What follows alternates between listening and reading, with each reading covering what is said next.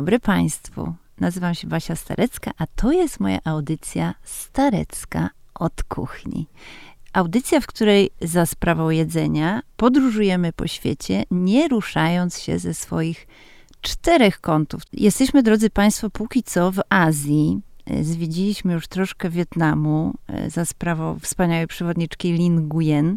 Byliśmy także na mm, rybnym bazarze i zwiedzaliśmy Japonię pod różnym kątem, z różnych perspektyw na nią patrzyliśmy, z Kasią Boni, reporterką, a dzisiaj będziemy przychadzać się po ulicach Seulu i w ogóle sobie spojrzymy na Koreę oczami mojej gościni, Oliwii Bosomtwe. Dzień dobry, witam Państwa. Mm, dziennikarki, felietonistki, która przyszła ze swoim um, notesikiem. Domyślam się, że w notesiku jest trochę wrażeń przywiezionych z niedawnej podróży do Korei, ale też zdradziłaś przed y, nagraniem tej rozmowy, że znajdują się tam zalążki różnych książek i powieści i być może scenariuszy filmowych. O tym Czego tam nie ma? O tym wszystkim będziemy sobie rozmawiać, ale Y, zaczęłabym właśnie od tej twojej niedawnej podróży do miejsca, które jest mi szczególnie bliskie i było jakieś takie bardzo formatujące pod wieloma względami. Mm, na pewno odcisnęło piętno na mojej kuchni, na mojej kuchni mazowieckiej, bo w Warszawie się widzimy i to wszystko nagrywamy. Zastanawiam się, czy ty z Korei przywiozłaś coś, co y, właśnie w użytku twoim na co dzień, jak, w jakiś sposób wpłynęło na twoją dietę. I co to jest dokładnie, jeśli tak? Mhm. E, przywiozłam obieraczkę. Jak chodzi, znaczy przywiozłam dużo różnych rzeczy, ale jak chodzi o artefakty kuchenne, przywiozłam obieraczkę do warzyw, taką, która robi no taki jakby makaron z marchewki, z tych twardych, z cukinii. Przepraszam, czy mówisz o temperówce? Nie, takie, to jest taki drapak. To jest jak y, obieraczka, tylko że zamiast prostego ostrza ma takie jakby ząbki i dostajesz mniej więcej efekt stemperówki, tylko zamiast wkręcać w taki irytujący sposób to tak. warzywo, to po prostu bierzesz je na front i tak jakbyś chciała je obrać, tylko zamiast jednej gładkiej tafli skórki robi ci się ten taki jakby ten drobniejszy niż julien drapiesz po prostu tak, marchewkę. Tak, i zostają ci takie mm. idealne do tych klusek y, szklistych, batatowych, które tak lubisz na przykład. A, do rozumiem. Dziabcie, tak. Okej, okay, czyli na pewno czapcze zostało w kuchni po tej podróży. Y, nie, nie szczególnie, to mi się z tobą kojarzy. Ja nie, ja nie jestem wielką fanką tego dania. To powiedzmy tylko, to powiedzmy słuchaczom, co to jest. Rzeczywiście y, zdradzam pewne skłonności w kierunku tego dania. Słodki makaron, szklisty makaron, on po angielsku tak dźwięcznie brzmi glass noodles, ale to jest makaron ze skrobi ze słodkich ziemniaków, czyli z batatów.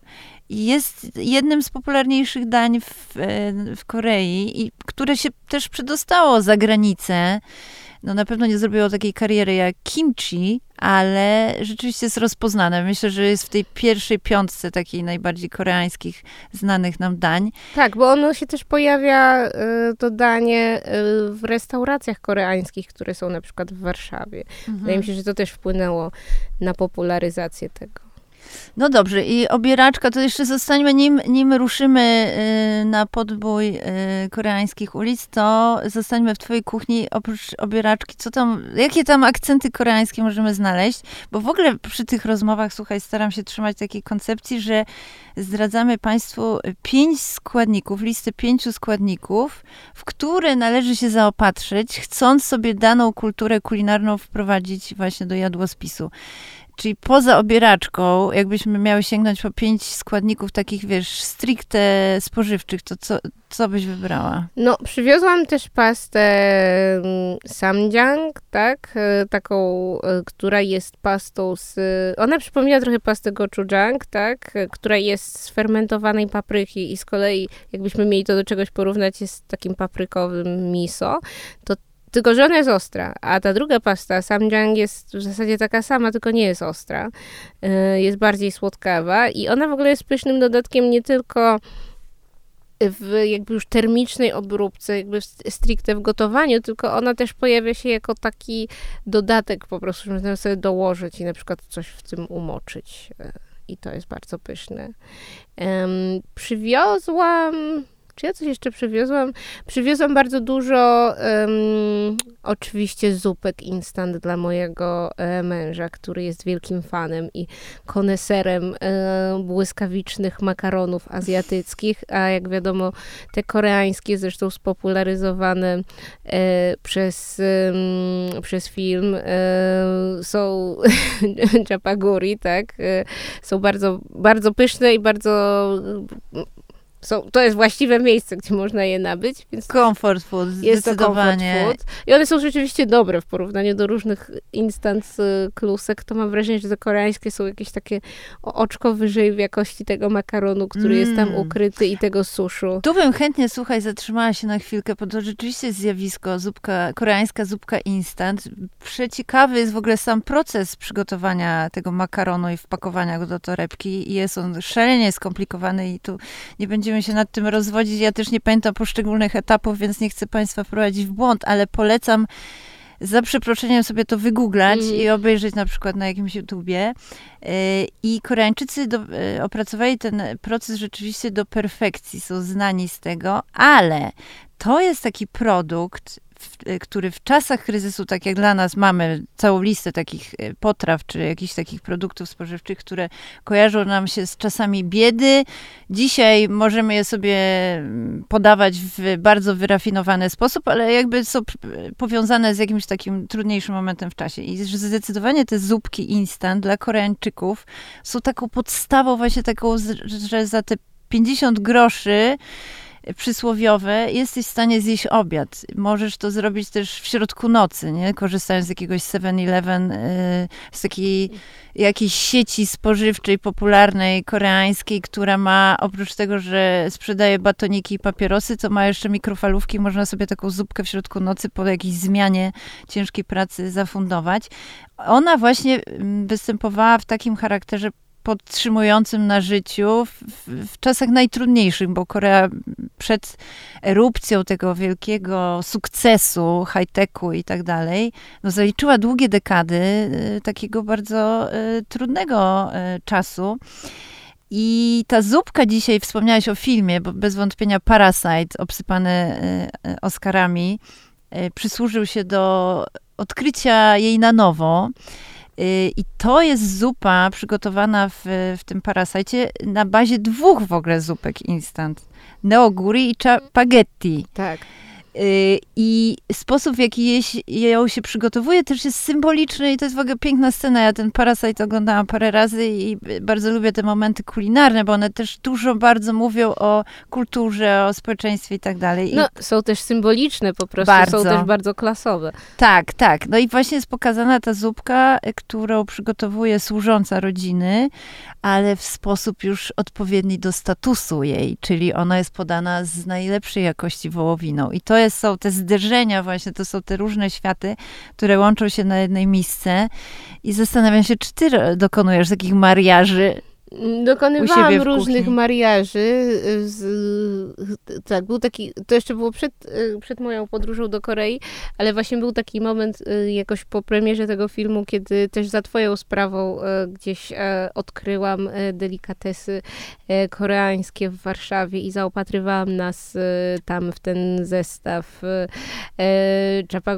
chapagetti neoguri, czyli razem chapaguri. I wtedy dużo było takich eksperymentów i jakoś potem mi troszeczkę to przeszło, natomiast y, y, y, mój e, małżonek e, z radością regularnie e, zanurza się w szeleszczące kluski z różnego rodzaju właśnie torebek, również koreańskich, więc no to był taki must. Ja musiałam po prostu przywieźć z tej podróży półwalizki zup instant, ale przywiozłam też i jestem wielką fanką tej przekąski, takie jakby chipsy z wodorostów I to też da się, da się u nas y, kupić w różnych y, sklepach. One są w takich y, prostokątnych, przeźroczystych pudełeczkach ułożone warstwowo, więc nie jest to taki, taka wielka torba, tylko właśnie taki zgrabny pojemniczek i zabiera się jeden po drugim mm, te ułożone warstwy takich no, niesamowicie chrupiących, smażonych wodorostów, które są dosmaczane różnego rodzaju przyprawami w zależności mm, od tego, jaki smak wybierzemy. No i to jest e, świetna, dość zdrowa w zasadzie, biorąc pod uwagę zawartość białka i w ogóle wszystkie te wspaniałości, które się kryją w tych wodorostach. E, to jest wspaniała przekąska. No i co byśmy jeszcze dorzuciły do tej spiżerenki polskiej? Y, myślę, że wspomniane y, garu i gochujang, czyli tak. i ta pasta, taka piekielnie ostra, którą można zaciągać nawet polską zupkę. Jak dodamy łyżeczkę do krupniczku, to myślę, że wszyscy będą zachwyceni. A doda e, zupie animuszu. No i garu, czyli e, papryka chili. Sypka. Sypka. Ale specyficzna. Ona jest taka, ona jest trochę ostra, a trochę nie, w sensie nie jest tak ostre jak to, co kojarzymy po prostu z chili, bo tam nie ma ziaren w tym i to jest jakaś, jakiegoś innego rodzaju ostrość oraz, ja tego niestety nie doczytałam, ale wydaje mi się, że ona jest poddawana jakiegoś rodzaju specyficznej obróbce, która ją stawia, że ma w sobie taki lekko wędzony komponent, -hmm. ale nie jest to wędzona taka papryka tak. hiszpańskiego typu, która zwłaszcza w wegańskich potrawach często dodaje animuszu. Coś tam jest innego, no i jej się używa właśnie w kimchi, prawda? Jak się tak. kimchi, to bardzo obficie obsypuje się tą całą kimchi mieszaninę, ten konglomerat, który tam się tworzy, no to właśnie za, ta ostrość tam i czerwoność jest za sprawą e, suszonej papryki e. Goczugaru ma też e, taką wyjątkową właściwość, że wspaniale się emulguje z wodą, bo jak próbujemy zmieszać takie no, pierwsze lepsze chili, no to nic tam nam specjalnego, specjalnie kuszącego nie wychodzi, a to rzeczywiście zamienia się pod wpływem odrobiny wilgoci w jakąś taką od razu już pastę, sosidło, więc można tym czarować. Ale wspomniałaś kimchi, no właśnie, to jest produkt, na którym Korea pojawi, za sprawą którego Korea zrobiła światową karierę, bo nie tylko w takim kontekście kulinarnym, ale trochę było e, to kimchi, było taką przepustką do w ogóle do poznania kultury koreańskiej szeroko rozumianej i zainteresowania się y, tą destynacją. Jak, jakie ty masz skojarzenia z kimchi? Jak ty na ty to mi się patrzysz? Kojarzysz. E, ty mi się kojarzysz z kimchi, ale jakby mniej, e, mniej ty jako ty w sensie personalnie, tak jak tutaj teraz siedzimy fizycznie, bo kojarzysz mi się z masą innych też wspaniałych rzeczy, ale jakby zas stałaś się powiedzmy dla mnie i myślę, że dla całej masy Polaków i czytelników, wysokich obcasów oraz e, miłośników twórczości Basi Stareckiej, stałaś się takim ambasadorem e, wspaniałego przepisu e, na kimchi, który pokazała ci, bo wiem o tym, że to moja przyjaciółka tak. z Korei, Jensu. Aż mi zasłów gardę muszę popić. I jeśli ktoś nigdy nie czytał tego wspaniałego artykułu z cudownymi zdjęciami bodajże Moniki Waleckiej, e, który jest dostępny e, w sieci, e, no to zachęcam, jeśli chcecie zacząć swoją domową przygodę z kimchi, to myślę, że to jest najlepsza ścieżka. Ja ją tak zaczęłam i wydaje mi się, że to kimchi, które powstaje na podstawie tego przypisu, no jest właśnie takim jakie powinno być i, y, i które ja bardzo lubię i które, na które właśnie w podobnym, jakby w podobnej tonacji smaków y, y, trafiałam w tych wszystkich miejscach, w których, w którym udało mi się jeść kimchi w Korei. Ono zawiera gruszkę, co wydaje mi się w niektórych przepisach dostępnych się nie pojawia, no i zawiera ten klej ryżowy, który moim zdaniem jest nieodzowny i który odróżnia kimchi od na przykład naszej polskiej e, kiszonej kapusty pewnego rodzaju konsystencją, która jest nieco jednak inna. I taką pewnego rodzaju słodyczą, która nie pochodzi tylko i wyłącznie z marchewki, tylko właśnie e, z tych e, słodkich, fermentujących wspaniale dodatków. No, szalenie mi miło. Wejdźmy już na ten słynny, najsłynniejszy w Seulu bazar spożywczy, jakim jest Gwajang Market. Wiem, że przeżyłaś tam coś niezwykłego. Tak, tak. Znaczy, przeżyłam tam coś niezwykłego, do czego zaraz dojdę, ale tak chciałabym jeszcze chwilę o samym bazarze, bo on naprawdę tak. jest niesamowity. Um, niesamowite jest to, że musiałabym przede wszystkim mieć jakieś 10 żołądków, żeby w ogóle spróbować tych wszystkich rzeczy, które tam są, bo ja większości rzeczy, które chciałam spróbować, nie spróbowałam, po prostu nie miałam na nie miejsca. Ciekawe dla mnie też jest to, że te stanowiska kulinarne, które tam są, one bardzo często podają to samo, jedni obok drugich i tak jakby nie ma tam takiej, znaczy konkurencja na pewno jest, ale ale ona jest dla mnie jakąś zagadką, pozostaje na czym ona polega, bo wydaje się, że każdy tam mimo wszystko ma swoich odbiorców, swoją klientelę i to, że te placki kimchi można na przykład zamówić w dziesięciu stanowiskach, które są jeden obok drugiego, jakby nie przeszkadza każdemu z nich y, działać y, i radośnie obsługiwać kolejnych wygłodniałych klientów. Natomiast ten, ten bazar jest też wspaniały przez y, te profesje, które tam się łączą w jednym miejscu, bo tam oprócz jedzenia i produktów spożywczych, suchych, ale też i żywych, pływających e, w akwariach. No i jest też na przykład niesamowita część tekstylna e, ze wspaniałymi materiałami, bardzo dobrej jakości, w bardzo niskich cenach, e, bardzo pięknych że są różnego rodzaju torby, pościele i, to, i to, to naprawdę są świetne rzeczy. To, to, to nie jest to, co nam się często kojarzy z no, takim handlem tekstylnym typu poliester i firanki, tylko właśnie tam no, przepiękne muśliny, um, przepiękne bawełniane kapy e, u nas w Europie no, sprzedawane albo w jakichś super rzemieślniczych e, miejscach, a tam to wszystko jest tak jakby od ręki dostępne właśnie w takim trybie bazarowym, e, a jednocześnie to, to, to, to, to, to, to jest właśnie rzemiosło, jak, jak, jakieś, jakieś, jakaś wspaniała praca lokalna. No i oprócz tego jakieś rozmaite utensylia do kuchni, które już moja walizka nie mieściła, więc trochę do dzisiaj żałuję, że kilku rzeczy nie upchnęłam jednak, e, no ale też no, niesamowite sklepy e, pełne przepięknych pałeczek, e, przepięknych łyżek, no, miseczek, czarek, różnego rodzaju garnków, garneczków, jakichś mini pojemników do przechowywania czegoś, żeby nie wystygło w tej drodze między kuchnią no, przeróżnych rzeczy, które też jakby wynikają z zupełnie innej kultury stołu i z zupełnie innego sposobu przygotowywania, serwowania potraw niż ten, do którego przywykliśmy w Europie. Więc to tak tytułem wstępu. Ale pytałaś o to, co przeżyłam. Przeżyłam podróż sentymentalną, bardzo dla mnie wzruszającą ponieważ na ten market wybrałam się przede wszystkim e, jako e, no, ofiara Netflixa e, i serii Chef Stable, ponieważ bardzo chciałam zjeść kluski e, z Guangzhou Market, e, które które, których kluski oraz ich twórczyni są bohaterami jednego z odcinków Chef Stable.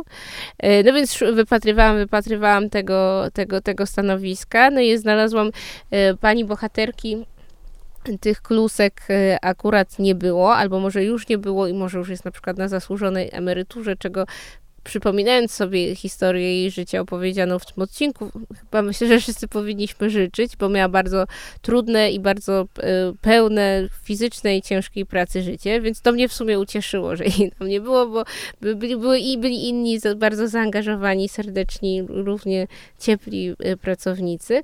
E, no i jest tam bardzo duża oczywiście kolejka, ale idzie to dosyć szybko. No i zamówiłam najbardziej podstawowe danie, które tam jest podawane, czyli mm, zupę z kluskami.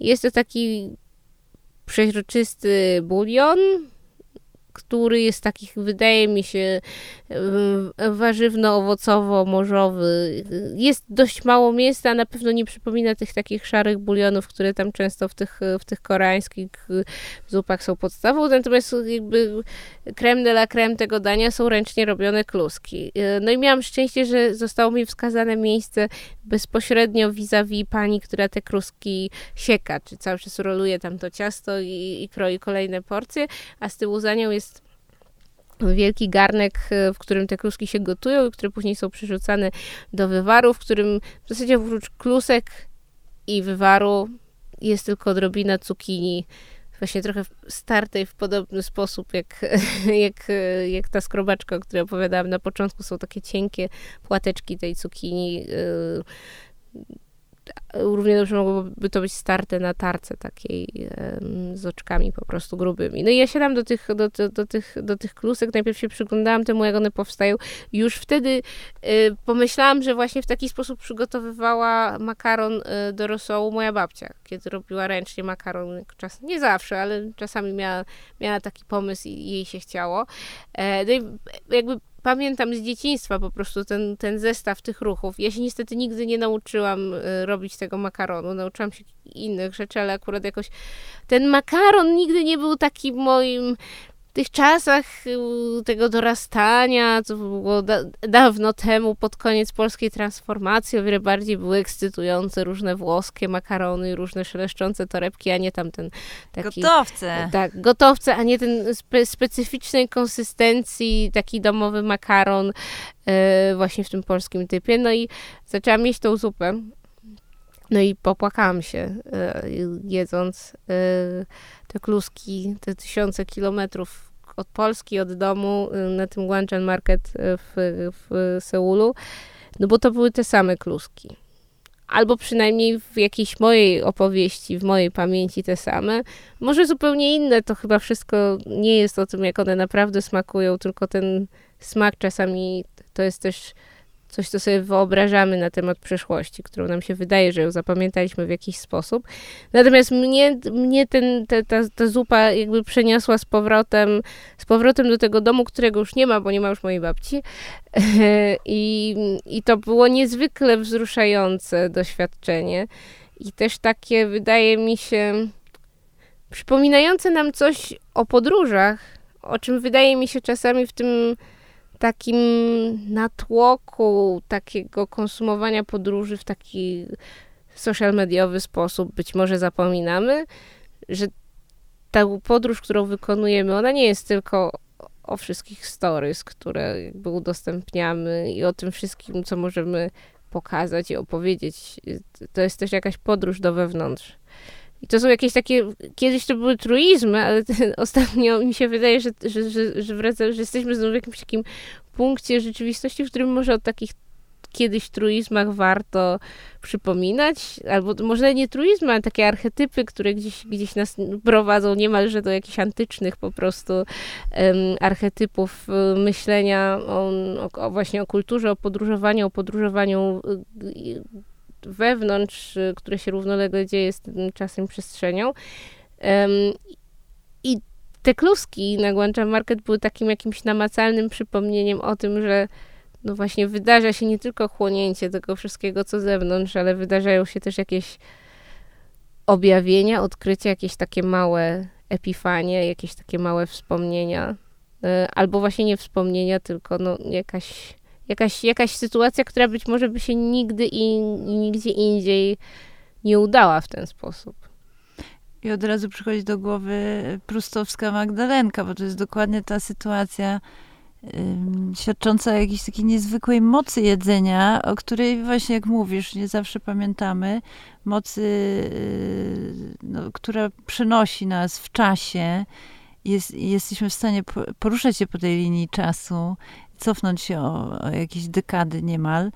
Y, ta sytuacja, kiedy wracają tak intensywnie wspomnienia, ale to jest też ta, mm, o tej Magdalence też często się mówi, ona się czasami pojawia, ale w takim znaczeniu pewnego niemożliwego spełnienia. W sensie, że to, to graniczy z cudem, żeby dotknąć właśnie, poczuć tą Magdalenkę znowu w ustach i całą jej moc. E, taką e, transportującą nas gdzieś w przeszłość, bo z reguły tego smaku się poszukuje. Ono, on, ten smak funkcjonuje gdzieś w naszych wspomnieniach, lubimy się do niego nosić, coś zestawiać z czymś, że ewentualnie przypomina, ale to cały czas jest nie to, więc to jest niezwykłe, że ciebie tak zabrało to doświadczenie. I jak ja sobie przypomnę, jak ten Gwajang Market wygląda, to on w ogóle jest jakimś takim king size'em, jest taką wielką szufladą ze wspomnieniami, bo myślę, że doświadczenia, doświadczenie jedzenia u babci to jest jakieś takie doświadczenie, yy, można zaryzykować yy, tezę łączące generalnie ludzki gatunek, bo wydarza się to pewnie na różnych szerokościach geograficznych. Spotykają się pokolenia przy stole. I jest jednym z jakichś pierwszych i takich formatujących, kształtujących nasze w ogóle poczucie smaku, y, rozpisujący nam trochę ten jadłospis na całe życie.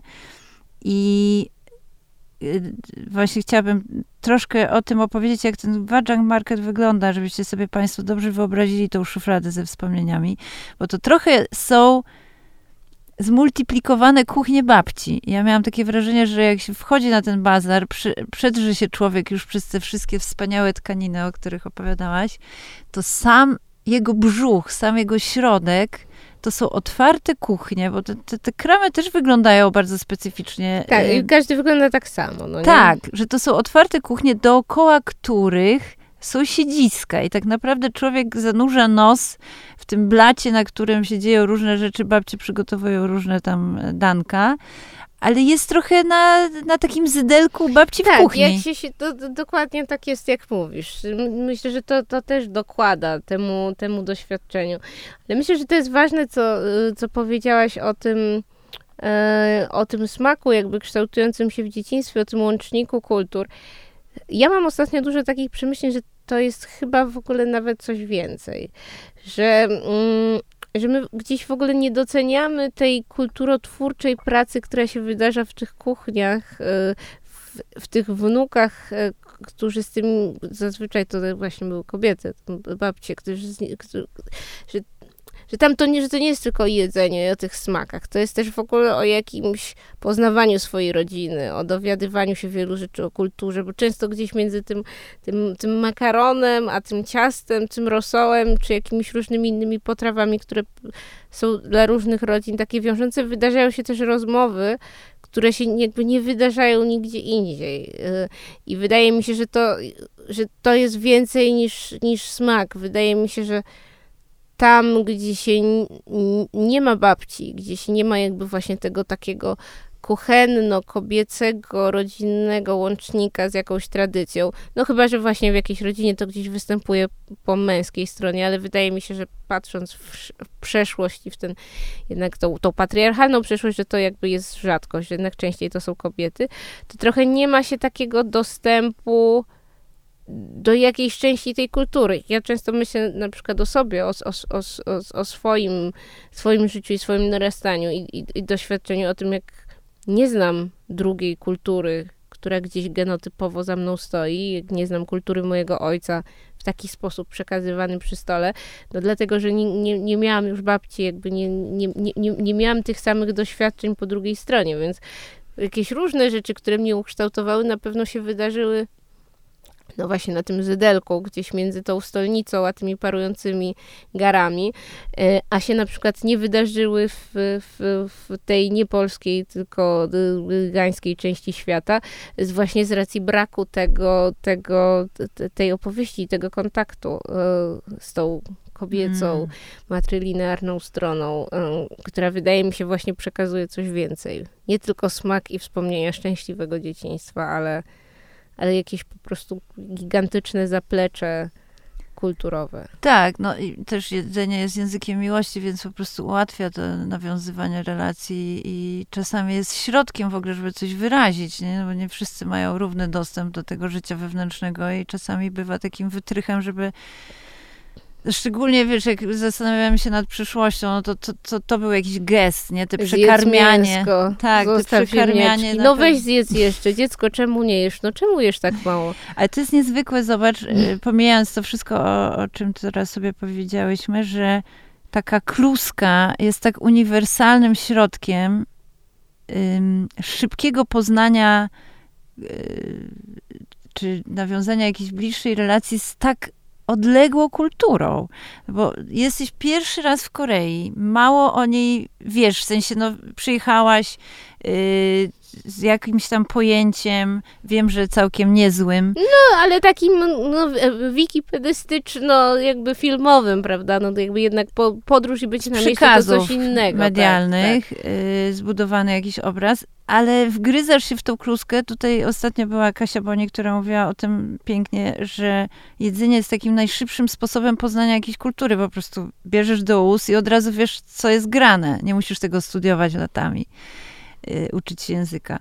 I ta kluska od razu cię osadza w danym miejscu. Yy, I myślę, że no bez wątpienia takie walory uniwersalne i globalne ma gluten.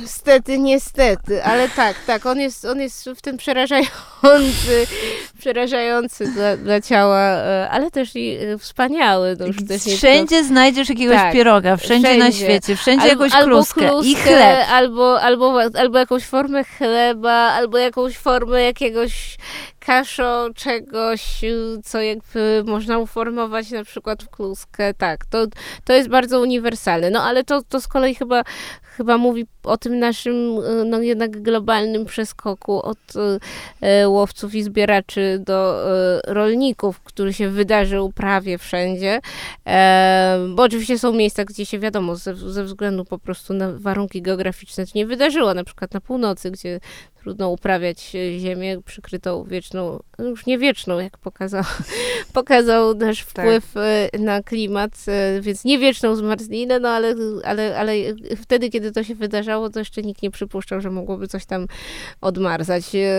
No więc są oczywiście miejsca, w których ta rewolucja agrar, agrarna się nie wydarzyła, ale myślę, że ta, ta uniwersalność tej mąki w jakiejś formie już abstrahując z czego ona jest, bo oczywiście w różnych częściach świata jest z różnych y, roślin, ale no właśnie, jest zawsze z jakichś roślin.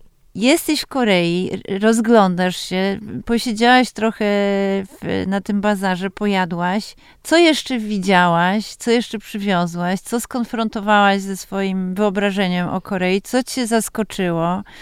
Jakie, jakie były wyniki tych weryfikacji? Mm, znaczy, dużo rzeczy mnie zaskoczyło, bo to jednak jest jakieś zupełnie inne. To była też moja pierwsza podróż do Azji. Więc jakby trochę dwa w jednym, e, że pierwszy raz byłam, byłam w tamtej części świata, e, na wschodzie już takim odległym, a nie bliskim, bo na Bliskim Wschodzie byłam, ale właśnie tym, tym, tym gdzie słońce rzeczywiście wschodzi. E, więc, więc dużo rzeczy było jakby takich nowych i jakichś takich e, pewnie mm, mniej e, wciągających czy ciekawych niż dla tych, którzy już wcześniej w jakichś różnych miejscach w Azji, czy na przykład w Japonii byli. Więc, więc, więc no wiadomo, że byłam zafascynowana na przykład stosunkiem do Słońca. E, no bo gwoli wyjaśnienia, większość e, e, Koreańczyków, a zwłaszcza Koreanek, raczej unika słońca. No i byłam w Korei we wrześniu. No i dla mnie to była perfekcyjna pogoda e, na to, żeby spędzać czas na plaży i tam e, zażywać kąpieli zarówno słonecznych, jak i wodnych. No natomiast byłyśmy z towarzyszką moją osamotnione raczej w tych e, przedsięwzięciach, gdyż większość zajmowała się co najwyżej spacerowaniem. No i tutaj też w zależności zależności, wrażenie, że im, im, im też wiekowo, że młodsze osoby może były trochę bardziej odważne, czyli na przykład niekoniecznie miały na plaży założone rękawki z filtrami UV, sięgające czasami nawet jak rękawiczki na dłonie, oczywiście też do kostek. No, radykalne przykłady, no to miały na sobie taki cały w zasadzie skafander, skafander z miejscem na oczy tylko i, i jeszcze czapkę zasłaniającą, no właśnie po to, żeby się nie opalić, żeby, żeby zachować e, tę porcelanowo-białą skórę. Co jest oczywiście dość ironiczne, bo jesteśmy tam w szerokości geograficznej, po którą cały rok świeci tam słońce. Nawet zimą, z tego co, co słyszałam, tam jest śnieg, jest, jest zimno, ale jest dalej słonecznie. Więc to trochę jest taka walka z wiatrakami i pamiętam, że, że towarzyszyły, towarzyszyły mi takie um, rozważania na tej plaży, jak różne mamy strategie w analogicznych szerokościach geograficznych wobec tego Słońca. No bo gdzieś no na tyle, na ile oczywiście te szerokości można po, porównywać, ale powiedzmy, że w, na przykład, nie wiem, w Brazylii generalnie w Ameryce Południowej. Też szukam specjalnie jakby innych kultur niż europejska. Jakby nikt z tym słońcem nie walczy. Jakby kultura plażowa jest y, bardzo szeroko rozwinięta. A tutaj nie, prawda? Po tej, po tej drugiej y, części. No i też nie jest tak, że tam, że oni są obrażeni na morze w ogóle, no bo przecież e, no, no, no, no masa ryb, owoców morza, e, e, słynne poławiaczki pereł z, z wyspy Zezu, które no, są w stanie oddychać bez dodatkowego wspomagania na jakichś niesamowitych głębokościach, więc jakby ta relacja kultury z, z, z, z morzem jest, a jednocześnie jakby jest. Ja oczywiście mniej więcej znam jakby drogi historyczne, którymi, którymi ta niechęć wobec y, opalonej skóry idzie i jakby idzie wiadomo taką ścieżką arystokratyczną i, i skojarzeń ze słońcem y, jako z pracą, e, no pracą w polu, która, która sprawia, że człowiek jest opalony.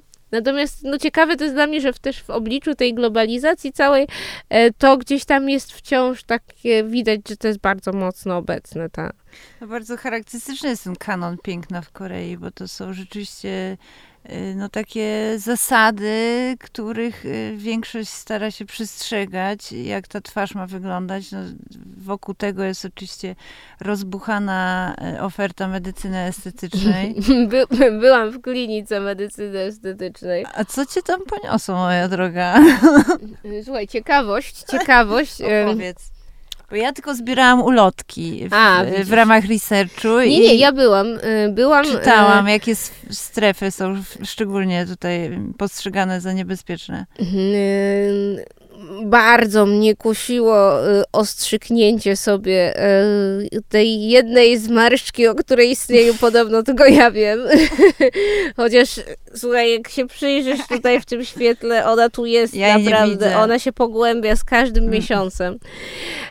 Ale w końcu jakoś stwierdziłam, dobra nie jestem wielką fanką igieł, więc może sobie, sobie jeszcze, jeszcze odpuszczę i, i, i nie ostrzyknęłam sobie czoła, natomiast um, Natomiast umówiłam się na tak zwany facial, tak, czyli na jakiś tam po prostu zabieg oczyszczania masek, no bo bardzo chciałam po prostu w ogóle przejść przez tą, tą sytuację w tej klinice i w ogóle do, doświadczyć no tego przemysłu, bo to jest jakiś niesamowity przemysł Ogromny. kosmetyczny, w ogóle po pierwsze nie wyobrażając z naszej perspektywy o zupełnie w ogóle innych cenach, to znaczy no dostępny o wiele bardziej, jakby to wszystko jest tańsze. Tak, ale to też jest ogromnie rozbudowane od drobiażdżku typu robiących karierę również w Polsce y, maseczek w płachtach. Tak, to, tak. co to... możecie Państwo kupić sobie w saszetce jest mokre i przyjemnie chłodzi twarz i można sobie zrobić taką małą Koreę w domu, y, chociażby zalewając zupkę instant w kwadrans.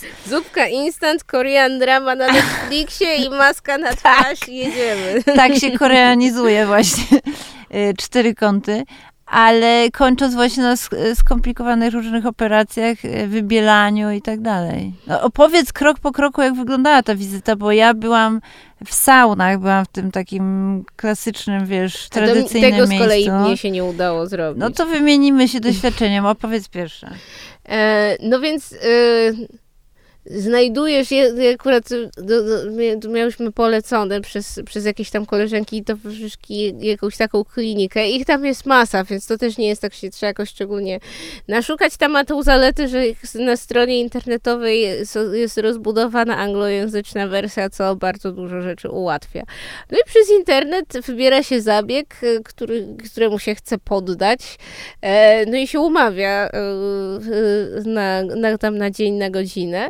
No i potem się wchodzi, no i jest, jest takie, takie foyer i, i na końcu nie jest, nie jest jakaś tam jedna pani, bo, bo tylko mamy do czynienia z przemysłem, więc tam jest po prostu pięć stanowisk, tak jakbyś przyszła do telefonii komórkowej albo czegoś w tym stylu. Masz po prostu automat już z kawą i ze wszystkim, nikt tam ci czego nie proponuje, bo tych kobiet jest tyle, e, żeby tam po prostu jak masz ochotę na kawę, to sobie naciskasz przycisk, dostajesz kawę, czy tam herbatę i inne napoje i to, i to jest też zautomatyzowane, no i potem podchodzisz do takiej, tam się, jest takie, gdzie się można jakby zaczekować e, wstępnie instant, tam się podaje, tam już nie pamiętam, czy maila, czy no to, to jakieś tam Weryfikacje. czy weryfikacje, no i potem wywołują, e, potwierdzają rodzaj zabiegu, czy może jednak ci się zmieniło i nie chcesz inny. No i jak już tam potwierdzisz, zapłacisz, no to cię kierują na inne piętro, e, no to tam idziesz sobie na inne piętro. E, No i tam jest kolejna pani, która daje ci kluczyk do szafki, takiej trochę jak na basenie, tylko sprytniej to działa, bo na takie jakieś tam Pikachu. E, obok jest taka strefa, słuchaj, do samodzielnego umycia twarzy, gdzie po prostu są dwie umywalki z lustrami, wszystko bardzo profesjonalnie oświetlone, opaski, tak żebyś sobie mogła te swoje włosy, co dla tych, którzy kochają prostowane włosy, które pod wpływem wilgoci, no to to jest du, duże, duże ułatwienie. No i tam jakby tysiące preparatów, znaczy tysiące oczywiście trochę hiperbolizuję, ale że jak masz Są full, te etapy full, full make-up, to Mhm. jakby masz tam cały sprzęt do tego, żeby się go pozbyć przed tym zabiegiem, więc wszelkie mleczka do demakijażu, dwufaza, toniki, inne takie sprawy. E, Kawałek dalej jest jakby taki, takie drugie zagłębie, w którym po zabiegu możesz się przyszykować, żeby e, e, z powrotem no, doprowadzić się do tej twarzy, którą chcesz, by przechodnie oglądali publicznie. Co zwróciło moją uwagę, na przykład no, bardzo wysokiej jakości suszarka marki na D się tam znajdowała. Jak wiesz, dobrze mam słabość do tego produktu. Nie lubisz się z nią rozstawać, to dobrze, że ją znalazłaś i tam. Nie, no nie potrzebowałam suszyć włosów, ale mi, jakby bardziej próbuję oddać Tak. skalę wyposażenia, że to tam nie ma żadnych przypadkowych rzeczy, wszystko, co by ci mogło przyjść do głowy, że Hmm. tego potrzebujesz, to tam jest. I mówimy o takiej normalnej, pierwszej, lepszej klinice, nie jakiejś, nie wiadomo jak luksusowej. No i potem największe zaskoczenie, no bo tutaj jesteśmy przyzwyczajeni do takiego indywidualizmu, takich zabiegów, że jak się w Polsce idzie do kosmetyczki, To jest bardziej butikowo to jest bardziej butikowo, jest zamknięty pokoik i, i ten. A ja wchodzę na tą salę, a tam 30 łóżek, takich tylko z przepierzeniami typu kotarka, ale normalnie wszystkie te y, panie leżą, te maszyny tam wibrują, hałasują. No i tu mi zostało wskazane, że o tutaj jest ta pani łóżeczko, proszę się położyć. Tam ptaszki ćwierkają, jakaś taka muzyczka relaksacyjna do windy. No i ty się kładziesz na jednym z takich łóżek, to wszystko trwa, ja nie wiem, może 20 minut. A czy to robi człowiek, czy maszyna? Nie, nie, to robi człowiek, przychodzi, znaczy człowiek z maszyną. Przychodzi pani z jakąś tam maszyną, która robi jakiś peeling, już nie pamiętam co to tam było, jakiś taki wodno coś. Em, a, bardzo ciekawą rzeczą jest jakaś fiksacja na punkcie nosów, która chyba w ogóle jest charakterystyczna dla Azji, z tego co wiem. Em, No w każdym razie na przykład taki zabieg oczyszczania twarzy z tymi maskami można zamówić z oczyszczaniem nosa lub bez. U, u nas w ogóle nie ma czegoś takiego. Wyodrębniony jest z ciała. Tak, tak jakby Żyje wyodrębniony własnym z ciała. życiem, ma swoją ofertę. I to chyba się bierze z tej niechęci do, do, do, tych, do, tych, do tych nosów Mm. za dużych, jak ich zdaniem. Płaskich. pła- I też płaskich i tak dalej, więc jakby ten nos jest taki, że jak z nosem to się więcej płaci, nie? Ta, tak. E, No więc tam, tam tą twarz poddali mi tym różnego rodzaju zabiegom oczyszczająco-peelingującym. Potem była jakaś maska i potem w zasadzie koniec tyle. Dziękuję. Mogłaś iść na kluski.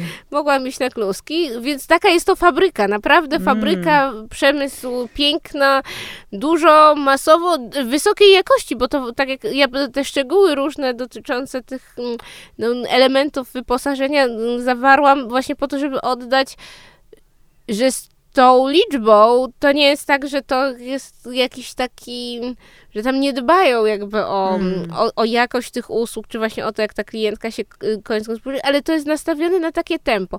Tempo, które paradoksalnie też widać w restauracjach, no bo to, co mnie też bardzo zaskoczyło, to ta forma e, płacenia, taka beznapiwkowa przy...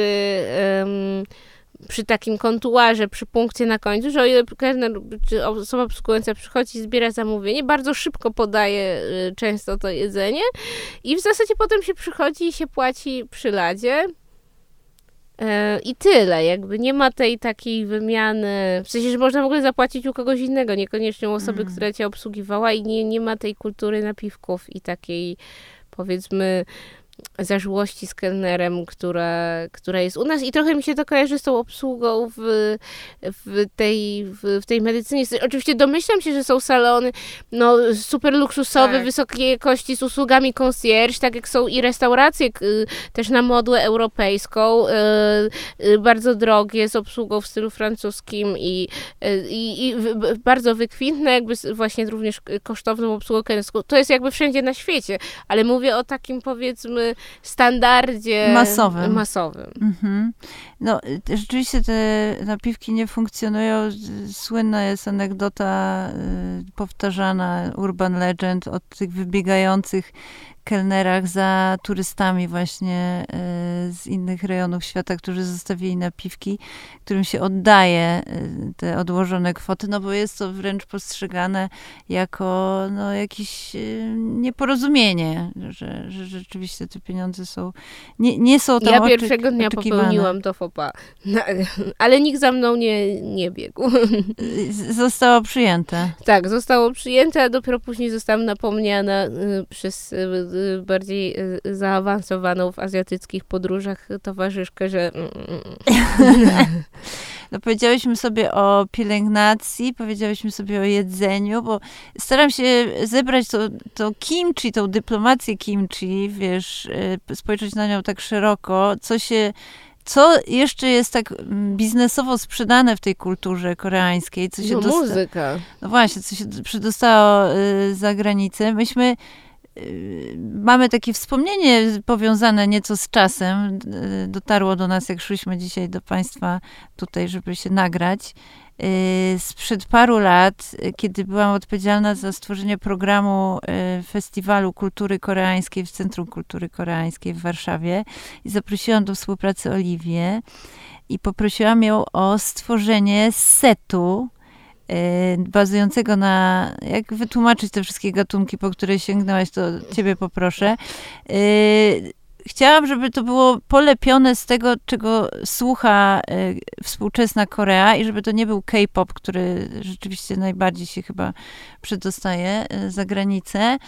Ty przygotowałaś taki set muzyczny i podejrzewam, że to, co się wtedy w nim znalazło, dzisiaj jest o wiele bardziej popularne niż było wtedy. To były zajawki tych wszystkich totalnych trendów, chociażby mody na Peggy Goo. Pamiętam, że ona była, wybrzmiała tam mocno w tym twoim secie. Tak, wybrzmiała tam. Były która tam stała się taką ambasadorką z Korei na świecie tak, w sumie. kontrowersyjną zresztą bardzo hmm. i, i, i, i, mającą bardzo dużo czarnej prasy i czarnego PR-u pod wieloma względami, ale o tym może za chwilę.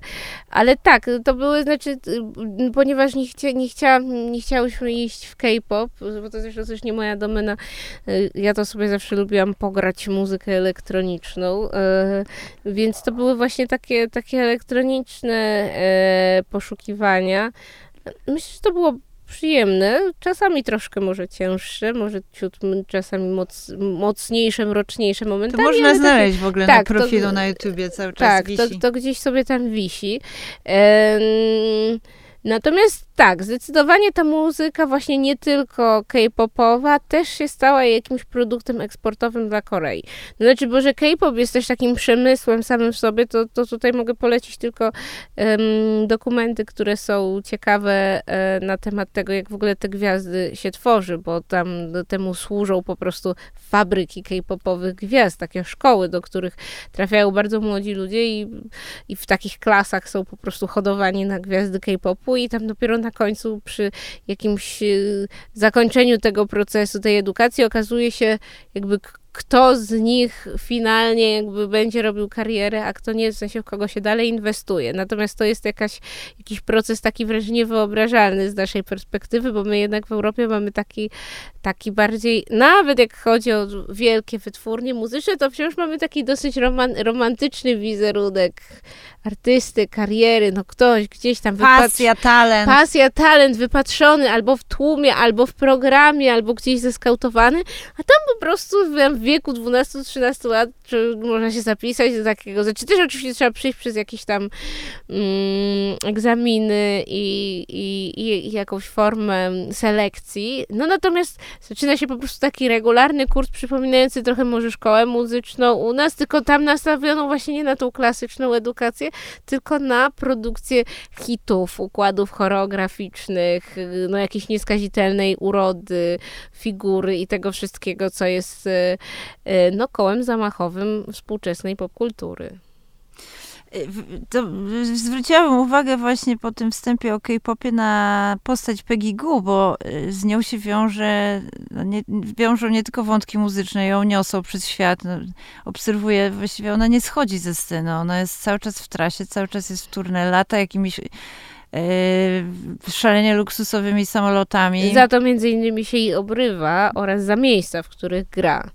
Tak, bo zdaje się, że tam nie ma jakiejś selekcji takiej nie, wiem, nie ma żadnej selekcji politycznej, może o, w ten o, sposób. O, to znaczy, jakby jest, jest znana z tego, że jakby gra no, w reżimach, na przykład u Katarczyków, w Dubaju, we wszystkich takich miejscach, które powiedzmy są przez różne e, inicjatywy z A nie musiałaby.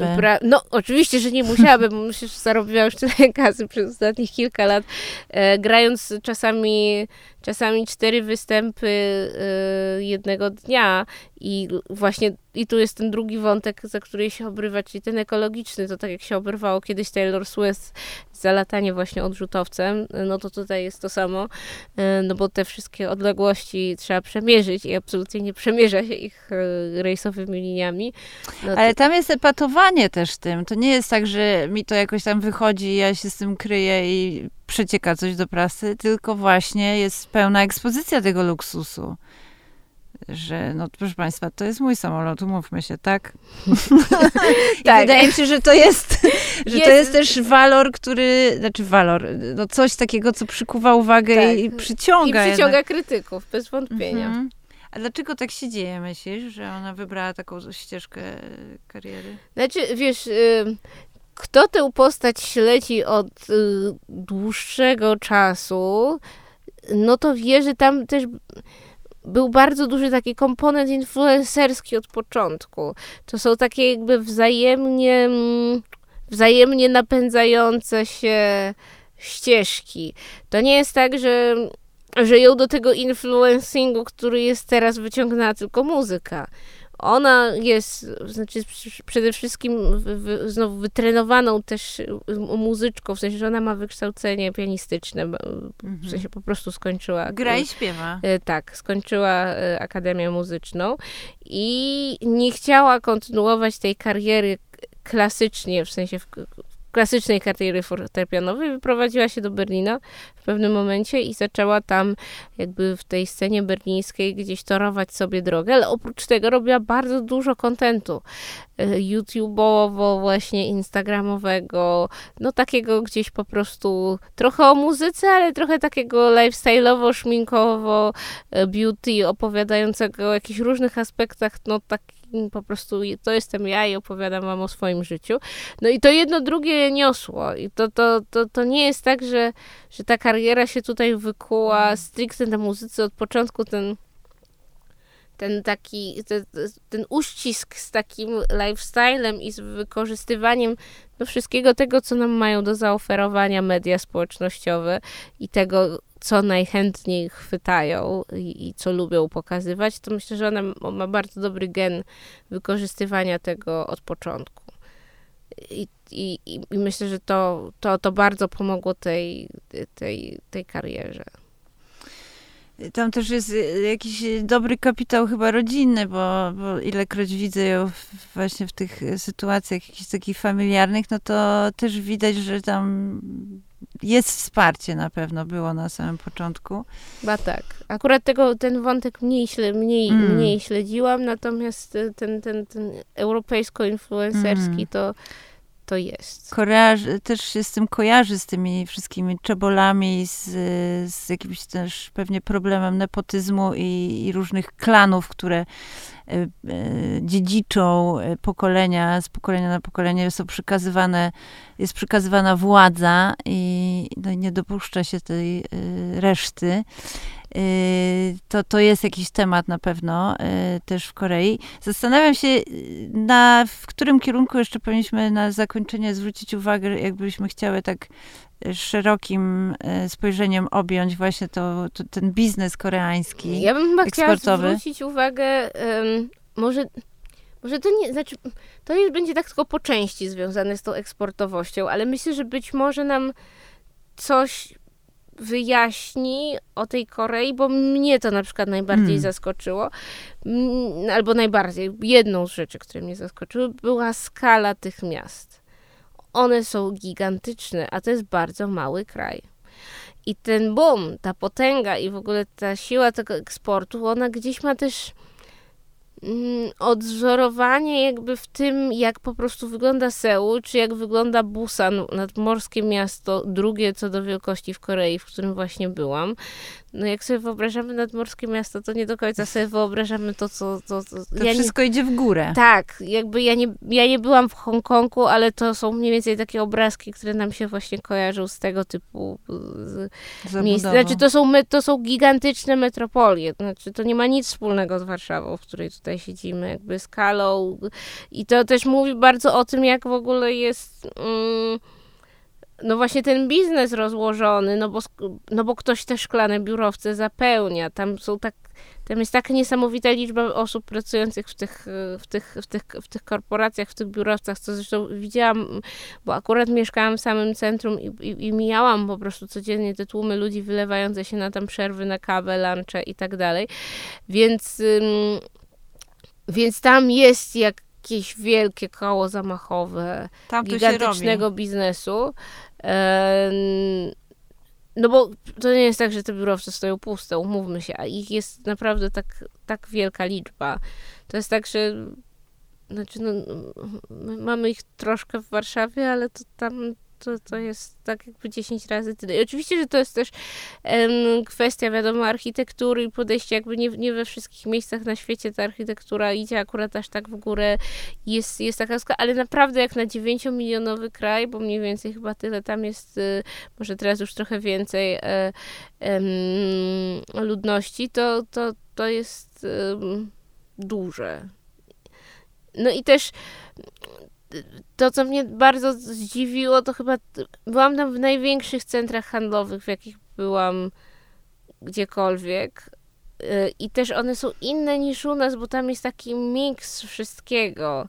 To znaczy, my bardzo lubimy oddzielać w Europie luksus od nieluksusu i, i, i bardzo się roz, rozjeżdżają te ścieżki. To znaczy, no nawet jak na przykład w Barcelonie na tej samej ulicy można spotkać butik H&M-u i kawałek dalej mm, jakiś Bottega Veneta albo coś takiego, to dzieli to przynajmniej 20 minut spaceru. To nie jest tak, że jest jedno poprzetykane, drugie. Jakby te adresy są, pilnujemy tego w wielu miejscach, żeby to jednak um, nie przylegało, a jak przylega, to to raczej są e, zabiegi specjalne PR-owców, którzy no tak, prawda, w różnych kolab kolaboracjach starają się różne marki zbliżać z różnych powodów. Natomiast tam jak się wchodzi do takiego gigantycznego ośmiu czy tam dziesięciopiętrowego domu towarowego Shingsei na przykład w Busan, no to wszystko jest razem. To znaczy jakby Y, niby jest jakiś pion, który jest trochę bardziej luksusowy, ale w zasadzie jak się przejdzie 4 metry dalej, to, to, to obok jest Ambro, y, właśnie H&M i jakieś, jakieś, jakieś zupełnie dostępne marki, jakby tutaj Nike, tutaj Chloe i, i to jest, znaczy to było dla mnie ciekawe, jako właśnie taka obserwacja um, no, tego układania w, co obok czego może być i co z czym można mieszać. I, i to jest też jakieś. Z jednej strony to jest takie szalenie współczesne, no bo trochę też ta globalizacja przynajmniej łudzi nas równością. Myślę, że łudzi, ale... Że wszystko jest takie same że wszystko wszędzie. jest trochę takie samo, a trochę tak naprawdę, trochę też tak jest, no nie? Bo ten sam poliester można kupić za 30 zł i za kilkadziesiąt tysięcy euro. I koniec końców to jest dalej ten sam rodzaj materiału, a z różnych powodów nam się wmawia że nie jest. Natomiast tam jakby dla mnie to było jakieś ciekawe, że to wszystko może być w ogóle w jednym, w jednym, w jednym, w jednym takim wielkim department store. I, to, i, to, mhm. i, i, i to są, te, to jest co innego niż na przykład y, w, w Le Printemps w Paryżu.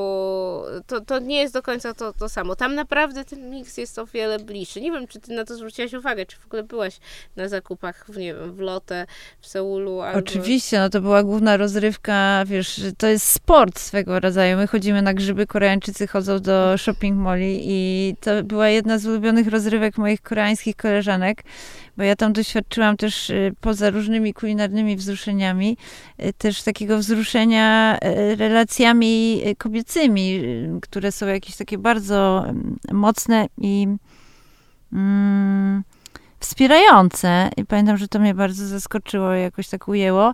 Ale dziewczyny tak, przede wszystkim uprawiały sport y, biegając po sklepach, no i przysiadując w saunie, o czym chyba już opowiemy Państwu następnym razem, bo ja myślę, że wiesz, z tak e, pogłębioną refleksją, jaka Ci towarzyszyła e, tej podróży, musimy jeszcze coś zrobić. Ja liczę, że ona się znajdzie w tym notysiku przynajmniej, a no takie jest moje marzenie, żeby móc później o tym wszystkim poczytać.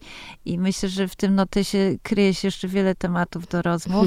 Na pewno. I mam wielki apetyt je kontynuować. Dziękuję za tą dzisiejszą rozmowę. Dziękuję za zaproszenie. A ja się z Państwem słyszę za tydzień w moim podcaście z pełnymi ustami. I my generalnie się, drodzy Państwo, słyszymy w każdą niedzielę w tych dwóch podcastach, tamtym i w Stareckiej od kuchni na zmianę. Do usłyszenia.